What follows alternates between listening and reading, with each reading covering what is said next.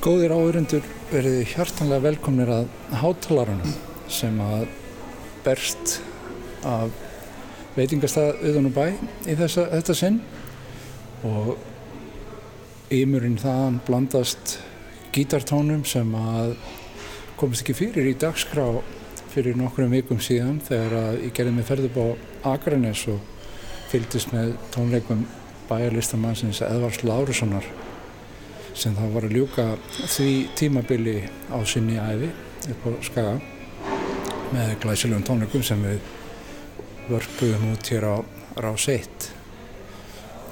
Ég tók lofórð af Edvari við það tækifæri um að spjalla við mig aðeins í hátalarnum um svona hvað hefur á daga hans drifið og þannig kannski ágætt að byrja finnst að við erum að að hlusta hér á, á, á loka tónu þessari tónleika Eddi að, að tala um spunan, hvaða hlutverki hann gegnir í þínu lífi? Já, hann gegnir tölurverð hlutverki mm. það er eiginlega eiginlega svona það fyrsta sem ég læri þegar ég er að, að læra hljófari á gítar mm. það er að gera það Að spinna? Að spinna. Eða sem sagt, ég læri eitthvað grip og, og síðan er maður bara doldið mikið að læra eftir eiranum mm. að blötum og, og kastum og svona. Já. Og músíkin er doldið mikið, þetta, þetta var doldið breskur blues og eitthvað svona til að byrja með. Og það er mikið verið að spinna. Mm. Þannig að það byrja maður doldið mikið á því, Já. að spinna með. Þannig að, að svona, þú byrjaðir að, að fyrta við þetta einn og sjálfur. Var einhver til þess að, að raða upp puttunum á, á gítarhansinu? Nei, eiginlega ekki. Ég, bróði mín síndi mér tvö grip Já. þegar hann kom svífandi heim með gítar í æsku vinni. og hérna, og svo tók ég það bara doldið þann og, og einhvern veginn, já, fór bara mikið bara inn í það. Já.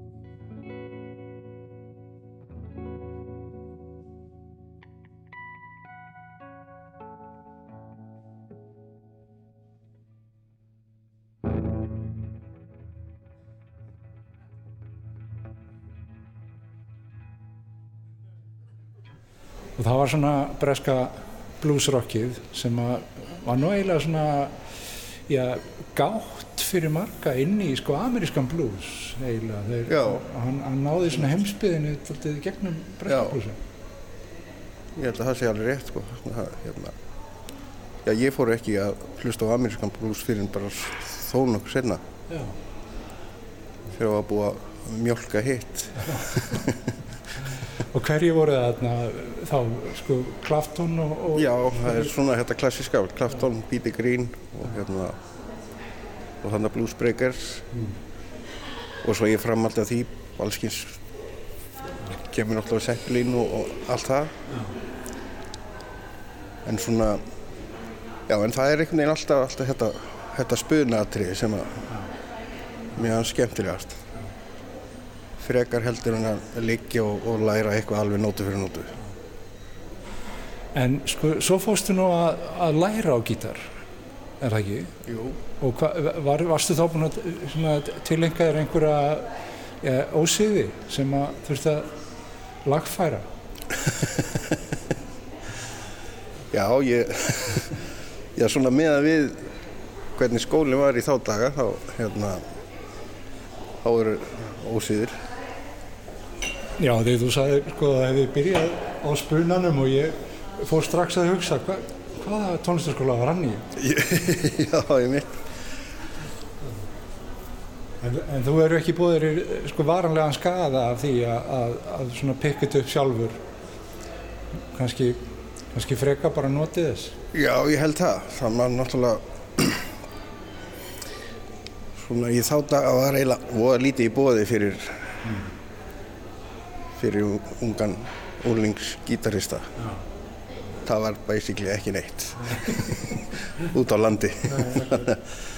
Þannig að það er bara það er old school tónlistaskóli. Ekki byrjað að kenna á gítar. Þannig að það var eiginlega ekkert í bóði. En sko, ertu fættur á skaganum og uppalinn? Já. Ég er fættið þar á uppalinn, já. Og alveg bara fram á, á já, fullorins ár, nánast. Já, svona, svona upp úr tvítu, þá flytt ég, þaðan. Og hvernig var þá svona, sko, uppvakstar árin? Þú varst ekki komin í hljómsveitir strax að spila þá þetta bluesrock? Jú, ég sko ekki mikið til að spila bluesrockið. Það var meira svona prívat fyrir mig. En maður var svona komin í skólahljónsveit, bara 13 ára, strax. Sem fór bara fljótlega að spila á skólabólum. Og svo tókum við svona, já, hard professional hljómsveitir og, og hard professional lífverðni tónlistarinnar. Var það þá bara hótelinu á Akranissi strax? Já, það var, það byrjaði náttúrulega bara innan skólans og svo útilið og það var annar staður Reyn sem var svona samkomu að félagsheimili kommunista á Akranesi. En þar voru haldin böll líka. Voru ekki haldin en jazzkvöldu kommunistunum það er alveg ótrúlega sterk tengsl milli jazztónlistar og kommunistar það er reyndar alveg rétt en hérna það var ekki mikið um það. Það var þó eitthvað. Eitthvað öru lítið en þú hefur nú verið að spila daldinn jazz líka. Hvernig kom það til því? það kemur eiginlega sko þetta þróast eiginlega dóldi sko það er fyrst er það þessi blues sem maður er að hlusta á sem fer síðan í progrockið hamast í því dóldi lengi og fer svo að hlusta á það sem að var kallað jazz rock í þá dag og þá var maður komin svona þá var, þetta, var komið veður í port og, og allt það og þá er stutt yfir það eru margir sem að ég þekki það bara sjálfur þessi, þessi tengsl sko svona já, snemma á áttunda áratögnum þetta, Já. þessi tengsl eins og rafmaks pælingar Miles Davis Akkurat. það eru opnuð aldrei fyrir manni svona þennan heim líka eða mennirnir sem voru með honum öllu heldur sko, Já, McLaughlin. Einmitt. og allt þetta, Herbie Hancock og, og öll þessi deild. En hverjar voru svona fyrstu alvöru hljómsveitir? Mínar? Að spila í? Já, hvað hérna sko, hvað er hvað, hvað er alvöru það er kannski meira svona hvenar sko þú svona áttaður á því að, að þetta væri einhvern veginn málið. Eða, eða vissur það strax bara? Sko að þegar þú varst múin að læra þessi tvö gítargrip, vissur það strax að þetta var málið? Já, það var eiginlega doldið þannig. Já. já, það var eiginlega ekkert annað sem með dætt í huga að gera eftir það. En ég fyrir hann að já, það er, þú veist, þetta byrjar svona doldið á svona bara sveita bara hljómsveitum og bara hendast um landi í rútum og bíla sveita bölum það voru nokkar hljómsveitir þannig sem að ég spilaði með dýpar á frá Akranissi Start. Og Íslandsvinir og einhverjar nokkrar svona hljómsveitir sem að voru í þessu. En svo kannski jú, svo spilaði ég með vinnum Dóra líka dálítið.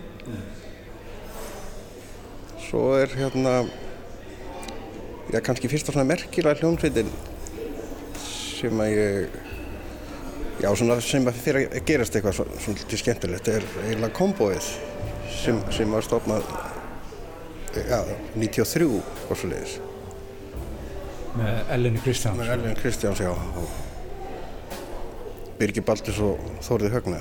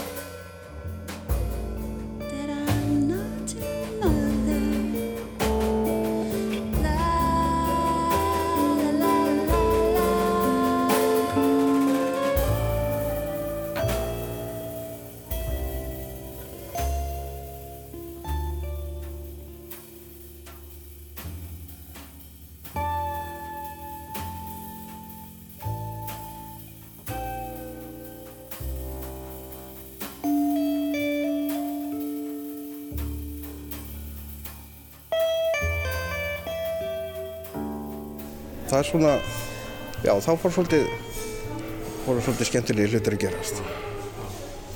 Svona músíkin ný og okkar og líka bara svona kemistrija milli, milli fólks og tölverð spunnið líka. Já, þó... Og allt svona líka svolítið spunna einstaklingar í þeirri hljómsveit. Já, Birgir var nú með þér á, á tónleikunum upp á Skaga þegar hann var nú marga fjörun og sopið saman. Jú, aldrei lís. Í einsum mest, mest í svona, doldi mikið í svona spunarljómsveitum. Erum í, það var einn sem við rákum sem hétt Blóð með Þórið Högna sem var bara algjör spunarljómsveit. Önnur líka Tusk sem er starfandi núna. Þar sem eru Pálmi Gunnars og, og Kjartan Valdimar í okkur. Og svona og líka bara í einsum svona blúskikum þá hafum við mikið spilað saman. Það er mest eftirspurnin hérna í spunum Já maður segja það það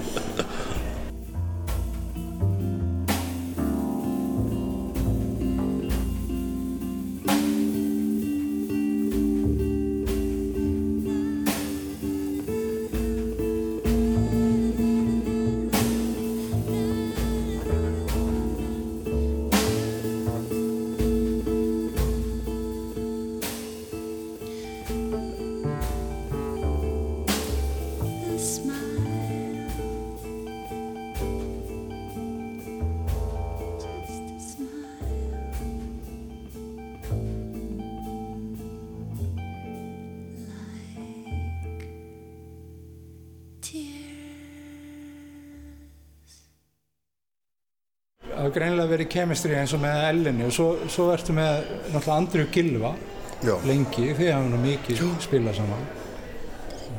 Akkurat, það er líka svona samskonar svona kemistriu samband.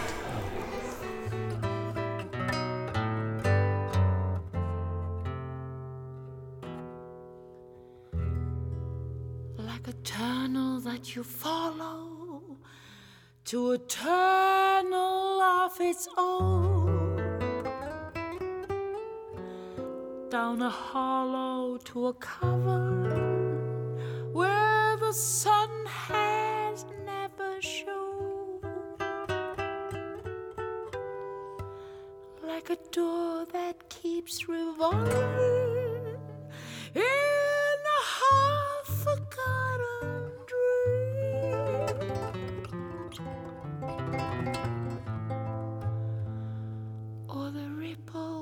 from a pebble. Someone tosses in a stream.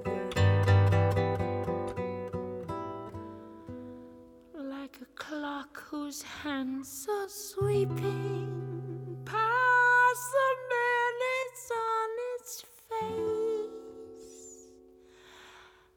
And the world is like an apple silently in space. Like the circles that you find in the windmills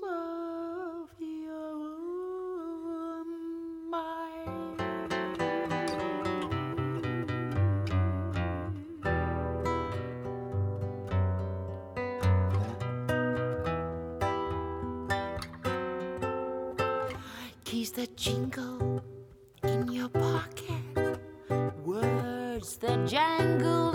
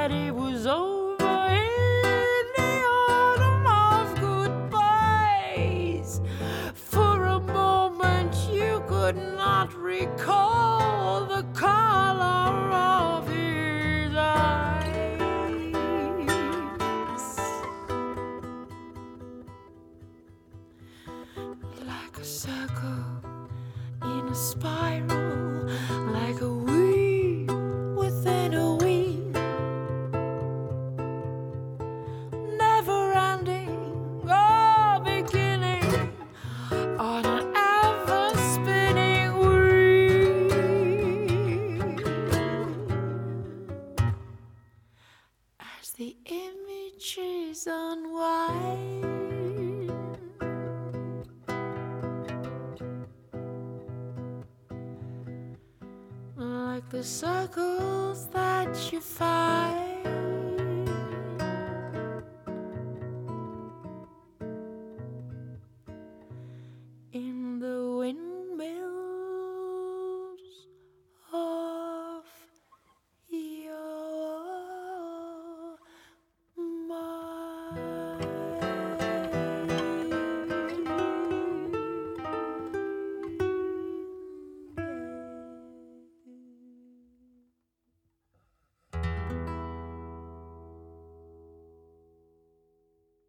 Þú varst að rifja upp hérna þetta, þetta efni svona sem glumdi nú ekki bara á skagamönnum heldur allir í þjóðinni í gegnum ríkisúttarpið þessi lög sem að þú Já, settir saman svo skemmtilegt prógramar var sko var svona músiklíf ábyrrandi á skaganum? Var, leitaði fólk mikið í það?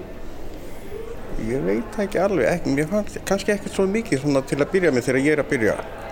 Þá er eiginlega, veist, það er hann að tónlistaskólinn og svo kannski ykkur tvær, tvær hljónsveitir í bænum sem að voru bara til að spila á hjónaglúbónum og svona. En svo fer þetta aldrei mikið í gang sko í, á punk tímabellinu sem að, við köllum.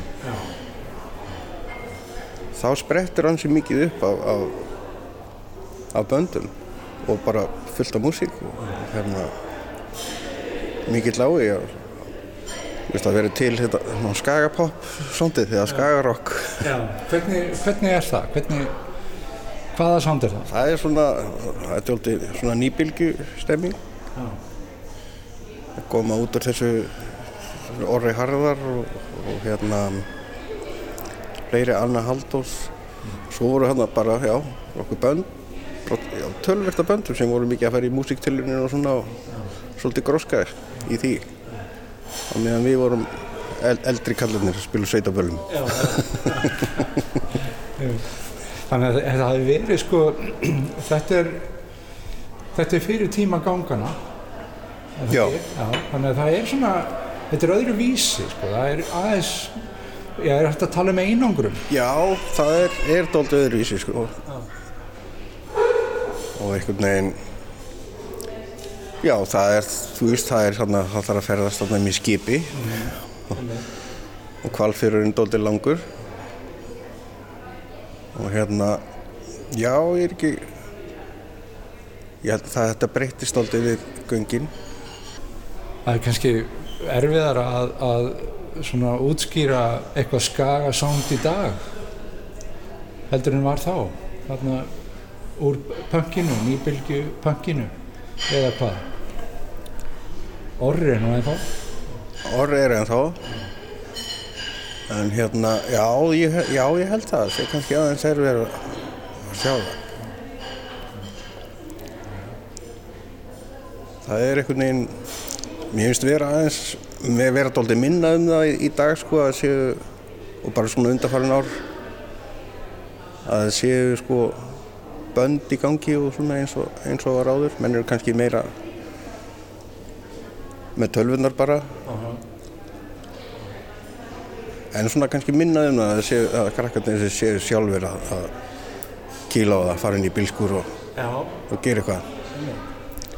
Hvernig, hvernig ætli standi á þessu? Það er svona, það er allt annir dýnamik eins og nefnir sko að nú eru svona menna að þeir senda frá sér eitt lag Já, en það er engin hljómsveit og engin hljónsveit.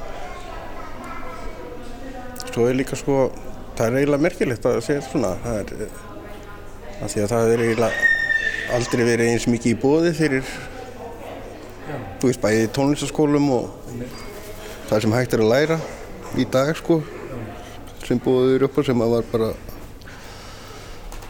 já, bara glæpur að að kenna, að kenna í minni tíð. En það er kannski líka, þú veist, að, að ímsu leiti þá er svona bílskurinn aðeins komin bara inn í skólastofuna. Já. Þú veist, þannig að þannig að nefnendur, svona krakkarnir fá miklu meira tækifæri inn í tónlistastum skólum til þess að gera þá hlutir sem það langar til. Já, svona rækta, rækta bara já, þessa hlið. Það veldi fyrir sér sko hvort að hérna, það þurfi að vera meira mótlæti heldur en svona mikið Já, það, meðlæti. já, kannski það. Það vantar bara reyði í fólkið. Það er að rækta reyðina til þess að fá almennilega músík. Það er ekki sko, það er ekki að það séu minni hæfileikar, ertu ekki sammála því? Mér finnst nú sko, hæfileikarnir hjá krökkunum eru nú ekki síri og, og kannski nei, fleiri alls sem ekki, fá sko. Já.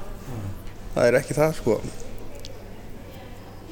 En það er líka kannski bara, það er náttúrulega doldið ólíkt líka bara hvernig krakkar nálgast músík. Það er minna um það að einhver eigi sér upp á hljómsveit og upp á þetta og hitt og búin að vera svona pæla á milli, Já. milli hljómsveita og músíkanta og, og slíkt sko. Þannig að það er svona, það er einhvern veginn meira matað bara af svona playlista deildinni. Já, Og líka svona bara instant mennsku doldið. Kannski það er að sækja sér bara eitt lag og, og eitthvað svona og, og kannski minna pælt í því hver það er eða hvað, Já, hvað, hverjir koma að því já, og hvernig það er gert og allt Já, það sko. Það er svona meira undantekning núna finnst mér. Ég hef nú talað um það við fleiri svona að þetta sem að sko fólk á, af okkar kynnslóð elst upp við og, og, og, og kallar eftir það er þessi svona sem svona sætmannakultúr það er svona Já. hverjir Já, sko veit. Mm. eru með eins og við vorum að tala um áðan með, með ráftónlistina í byrjun 8. áratugurins Miles Davis og, og það eru svona hlutir sem að toga okkur inn í þetta það er út af því hverjir komu að þessu við eldum einhvern einn sko Aha, en nú er það bara einhvern veginn, nú er það bara eitt nafn Það er bara fronturinn. og það kemur einhverjum öðrum við Nei, Hverju hvað- nákvæmlega. já, já. Þannig, þannig. En eh, svo talandi um, um uh, sko, uppáhalds að því að nú spilaður þú svo frábært prógram með tónlist eftir Neil Young og það er nú svona verið svona vera verið að vera einhver álög upp á skaga. Það Neil Young blæti. Og hérna en hva, hvenar, hvenar kom hann inn í þitt líf og akkur er hann núna? Já, sko, mm, hérna, hann kemur eiginlega í mitt líf bara til ég er tíu ára, eitthvað sliðis og ég fyrir þetta búið að kaupa mér plötu, það er fyrsta platan sem ég kaupi mér, það er með Neil Young, eftir Gold Dress og hérna, ég hafði eitthvað heyrt áður hjá bróðum mínum sem að sá svona dóltið um að matta mig á, á músík músíkinni sem hann var að hlusta á sem var bara mjög gott. Það er Ómar. Það er Ómar. Og hérna já, svo bara hefur mér alltaf finnst vera eitthvað við hann sem er alveg bara svakalega flott lög og, og, og skemmtilegur performer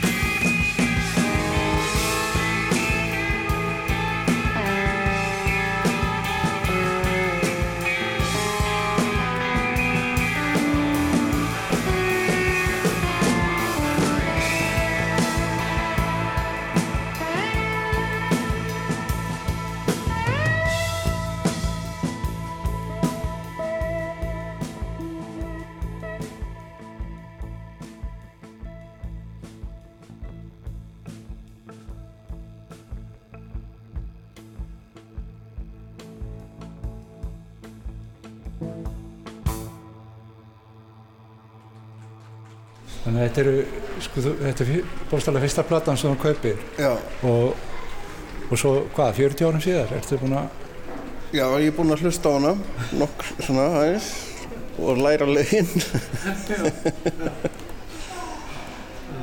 ég veit ekki, svo datt mér það í hug bara einhvern tíman var nú eiginlega eftir að hérna Bill Frisell gerir hérna svona Lennon plötu og svo eru líka reyndar nokkri búin að gera eitthvað svona plötur með það sem er taka fyrir kannski einhvern musikant og, og nálgast að svona með uh, jazz atti- attitúti, svona að segja. Og þá ákvað ég að pröfa að gera það, bara að velja mér einn. Og það var Neil Young. Þá segir þú excellent choice. það er líklega ekki hægt að bera móti því, þetta eru frábær lög. En þú, að því þú nefnir hana, nefnir Frisell og, og Lennon plötuna sem að er frábært líka, kannski gaman að tala aðeins um bara gítarleikara. Að svona, hverjir, hverjir hafa höfðað til þín? Eða eru það kannski ekkit frekar gítarleikarar heldur en Já, það er svona bæði og sko svona uh, já bara eins og það sem við myndist á áðan bara, þú veist, þessir úr bluesrockinu þessir gömlu, Page og, og allt það, svo tók ég dolla hérna svona prog rock sirpu. Hlustaði mikið á Yes þannig að gítaristinn þar, St- Steve Howe hlustaði mikið á hann og lá, látóldi yfir honum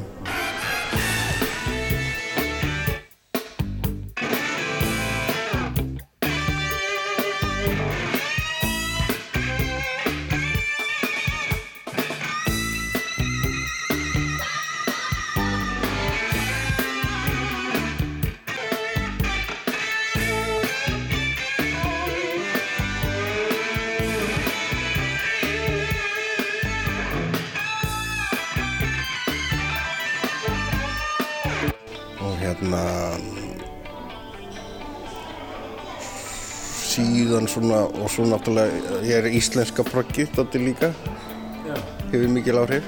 Á þessum tíma svona, þetta er svona leit svona 78, 9 78, 9 síðan maður er svona mest að taka það inn þá er það eiginlega doldið mikið já það er bæði eigin og svo sérstaklega þursaflokkurinn.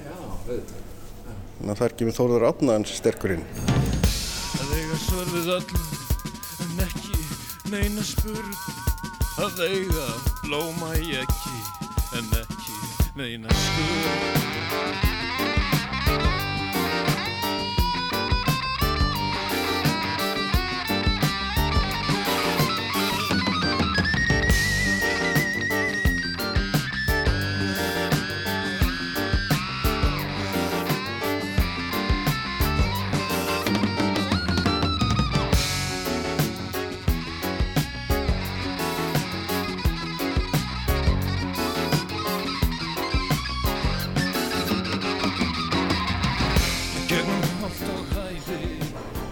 Svo hérna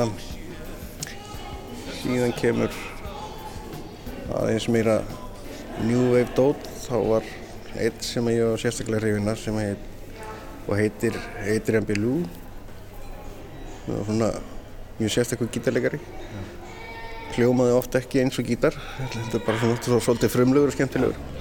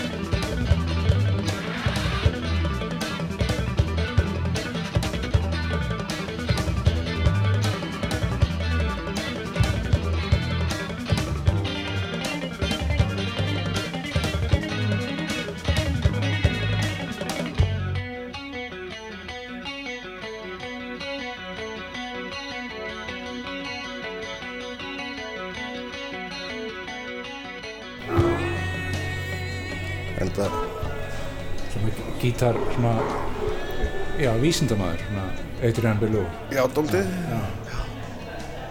En þeir voru hrifnir á honum, Zappa og Bowie. að flottar blöður sem hann kom inn á með King Crimson líka Já, akkurat það voru, það voru þær sem ég var, lá mikið í. Svo upp úr því þá fyrir að detta inn uh, jazz dóti, sko.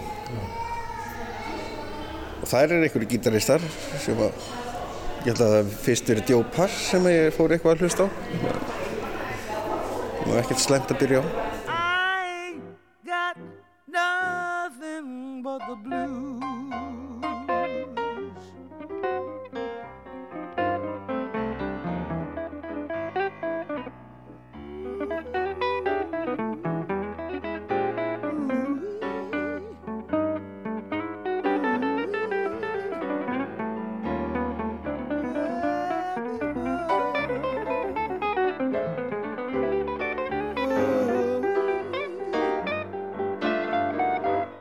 Þar er uh, og auðvitað Wes Montgomery og svona þessir þessir hérna meistarar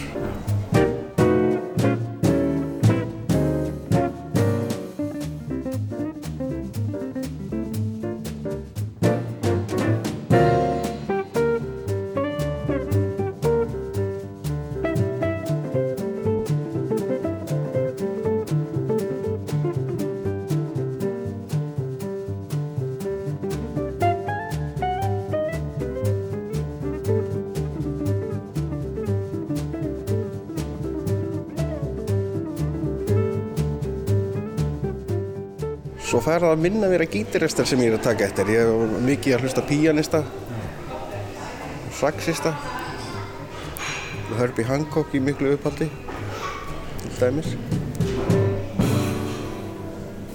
Og svo líka eins og Bill Frisell mikla mætur á honum.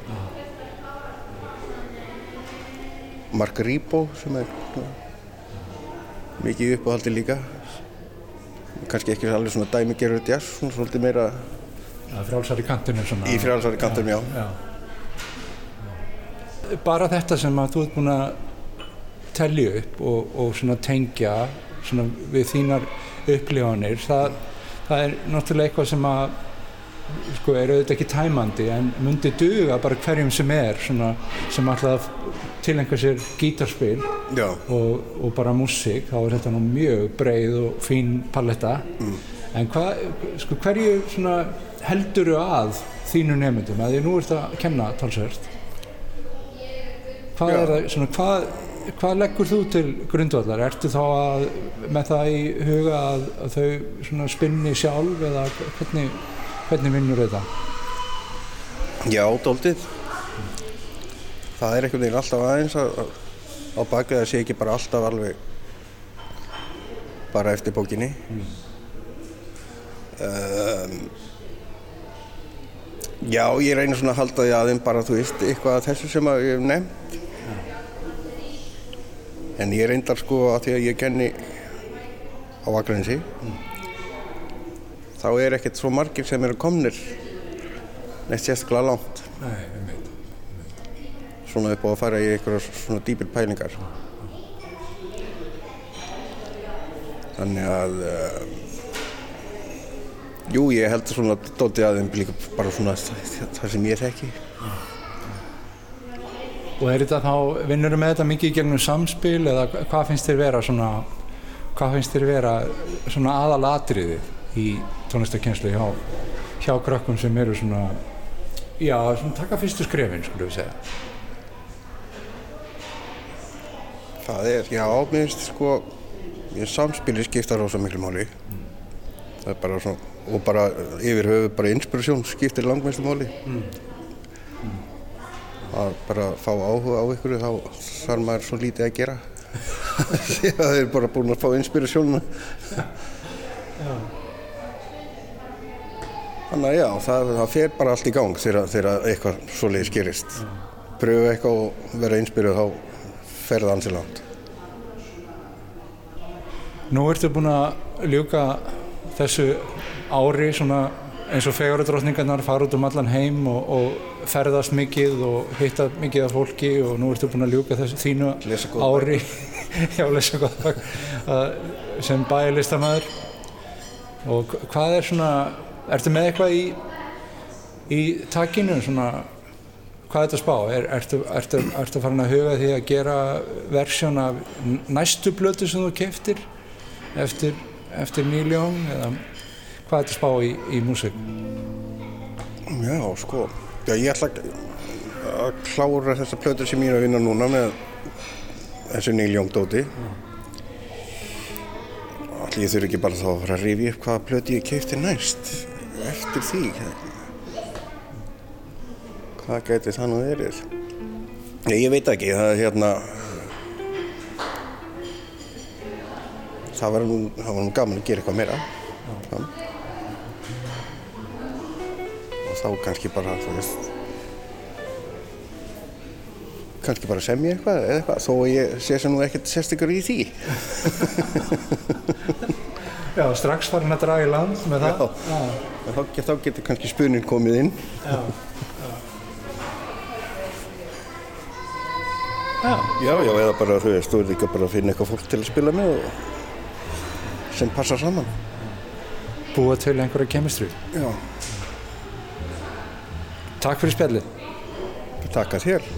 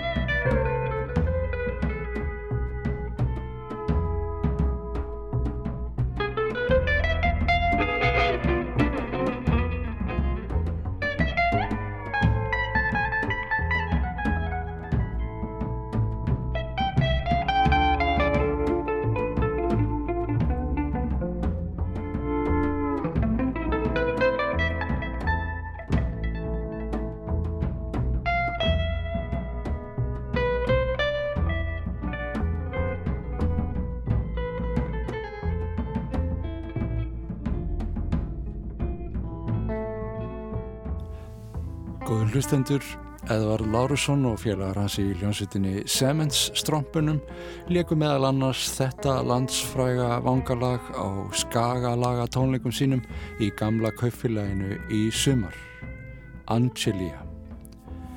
Til að hlusta á þá tónleika í heild ætti að næja að slá inn leitarorðið Semens stromparnir í spilara ríkisútorsins.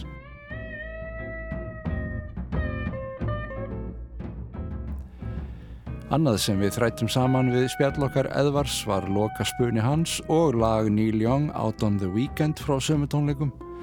Þá heyrðum við sínisortna af tónlist Kombósins og Elenar Kristjánsdóttur af plötunni La La La. Andrea Gilvadóttir og Edvard spiliðu lag Michel Legrand, The Windmills of Your Mind og svo má ekki gleyma heldur nokkrum bútum úr lögum gítarleikarana sem hafa haft áhrif á Edda Lári gegnum tíðina. Það heyrðist nokkrir blokkljómar frá West Montgomery og línulegur blues frá Joe Pass sem spann með Söru Vóan, Steve Howe og hljómsveitin Yes, auk Adrian Belew með King Crimson, að ógleindum Þórði Árnasinni sem þandi sinn rafgítar með þursafloknum í gegnum hold og hæðir. Við endum hátalara svona í þetta sinn. Takk fyrir að hlusta.